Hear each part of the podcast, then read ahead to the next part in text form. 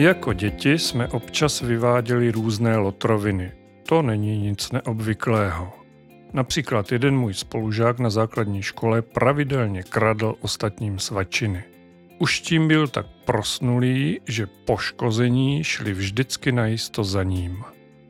To je moje svačina, vrať mi ji, spustil obvykle ten, komu hrozilo kručení v břiše až do oběda. Lump spolužák však pohotově odpověděl. Co je tvoje, to je moje. A co je moje, do toho ti nic není. Diplomatické řešení situace zpravidla přerostlo v nelítostný souboj muže proti muži, ukončený zvoněním na hodinu, někdy až paní učitelkou, která, byla-li dostatečně osvícená, udělila oběma sokům po pořádném záhlavci a spor byl urovnán. Svačina se už stejně vrátit nedala, protože dotyčný ji stačil sníst dříve, než k incidentu došlo. Abych řekl pravdu, nemyslím si, že by ono, co je tvoje, to je moje, navíc doplněné větou a co je moje, do toho ti nic není, bylo převzato z Bible. Nicméně v této knize se podobně znějící úsloví nachází a rozhodně zde nemá tak přihlouplé vyznění jako v případě dětských lumpáren. U další epizody podcastu Biblická jména a úsloví s podtitulem Slovo na krátko vás vítá a příjemný poslech přeje Petr Lindner.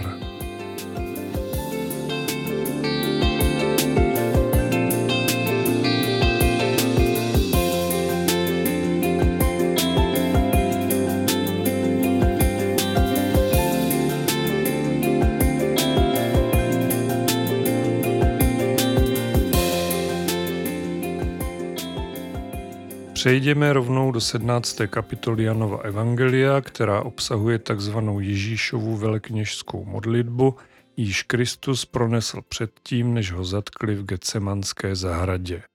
Úžasné, dechberoucí vyznání Pánu Bohu, začínající slovy Otče, přišla ta hodina. Oslav svého syna, aby tvůj syn oslavil tebe, tak jako si mu dal pravomoc nad celým tělem, aby všem těm, které si mu dal, dal život věčný. Poté Ježíš vyznává, jak dal jméno Boží a jeho slovo svým učedníkům, aby v devátém a jedenáctém verši řekl Za ně prosím, neprosím za svět, ale za ty, které si mi dal, protože jsou tvoji a všechno mé je tvé a co je tvé je mé a v nich jsem oslaven. A již nejsem ve světě, ale oni jsou ve světě a já přicházím k tobě. Otče svatý, zachovej je ve svém jménu, které si mi dal, aby byli jedno, jako jsme jedno my.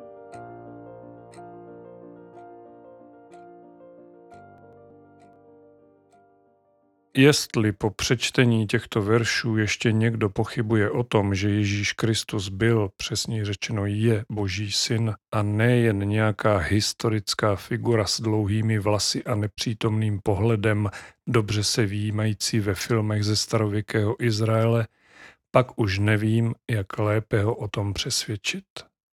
Z citovaných veršů je naprosto zřetelně cítit ono božské propojení, v tomto případě jakási dvojí jedinost Ježíše Krista a Pána Boha. Všechno mé je tvé a co je tvé je mé, aby byli jedno, jako jsme jedno my. Dobře, ale v křesťanství nemluvíme o dvojí jedinosti, nýbrž o troj jedinosti. Otec, Syn a Duch Svatý. Kam ten se poděl? Mohli byste argumentovat, že Duch Svatý byl vylit až o letnicích, tedy až po Ježíšově ukřižování. To je samozřejmě pravda, ovšem Duch Svatý zde na zemi je od jejího stvoření. Hned ve druhém verši celé Bible, čili na začátku knihy Genesis čteme. Země byla pustá a prázdná, temnota byla nad hlubinou a duch boží se vznášel nad vodami. A stejně tak Ježíš, co by jedna z osob svaté trojice, je zde od počátku světa. Jen jeho služba začala až o něco později, o pár tisíc let. Ani jednu z osob svaté trojice jednoduše nelze dost dobře v jakémkoliv času oddělit od dalších dvou. Můj vymyšlený pojem dvojedinost je proto jen slovo bez významu určené pouze k tomuto výkladu. Duch svatý zkrátka působil i před letnicemi. Vzpomeňte si, jak před známým nasycením pěti tisíců lidí pěti chleby a dvěma rybami vyslal Ježíš svých dvanáct učedníků hlásat boží království a uzdravovat nemocné. Jak by to asi mohli udělat, kdyby nebyli obdařeni duchem svatým? To by pak nebyli křesťanští apoštolové, ale šarlatáni, mágové, léčitelé. Uzdravování a jiné zázraky bez ducha svatého jednoduše nejsou možné. Pokud by vám ale ani toto vysvětlení nestačilo, pak vězte, že Ducha Svatého zde zastupuje ono slovo, které Ježíš lidem předal. Vrátíme-li se v Janově evangeliu ke zmíněnému nasycení pěti tisíců, popsaném v šesté kapitole, pak o kousek dál můžete číst o Ježíšově promluvě ke svým učedníkům, kdy mimo jiné říká, 63. verš, Duch je ten, který obživuje, tělo nic neznamená. Slova, která jsem vám pověděl já, jsou duch a jsou život.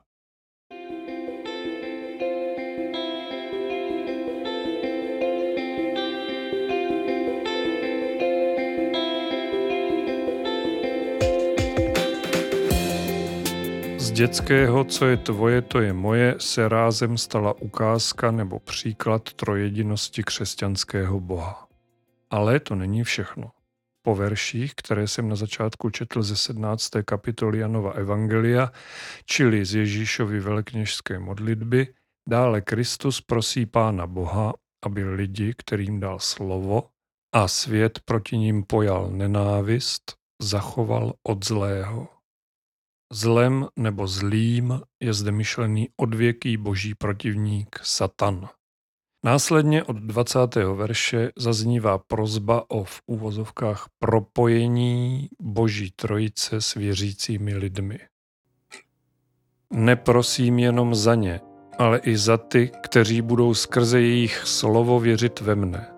Aby všichni byli jednou jako ty, Otče, ve mně a já v tobě, aby i oni v nás byli jedno, aby svět věřil, že si mne poslal ty. Slávu, kterou si mi dal, jsem dal jim, aby byli jedno, jako my jsme jedno. Já v nich a ty ve mně, aby byli přivedeni k dokonalé jednotě a aby svět poznal, že si mne poslal ty a že je miluješ tak, jako miluješ mne.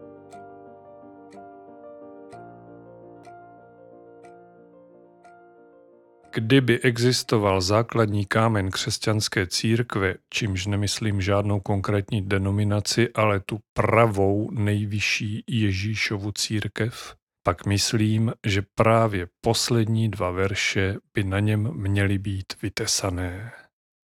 Ježíš neprosí jen za své učedníky, ale také za ty, kteří budou skrze jejich slovo, jež jim od svého otce předal, věřit v něj.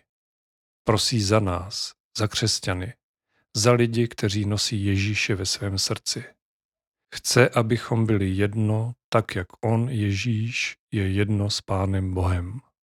Ale pozor, doslova se zde píše, aby i oni v nás byli jedno. To je velmi důležité. Máme být jedno v Pánu Ježíši Kristu. V dokonalé jednotě a v lásce.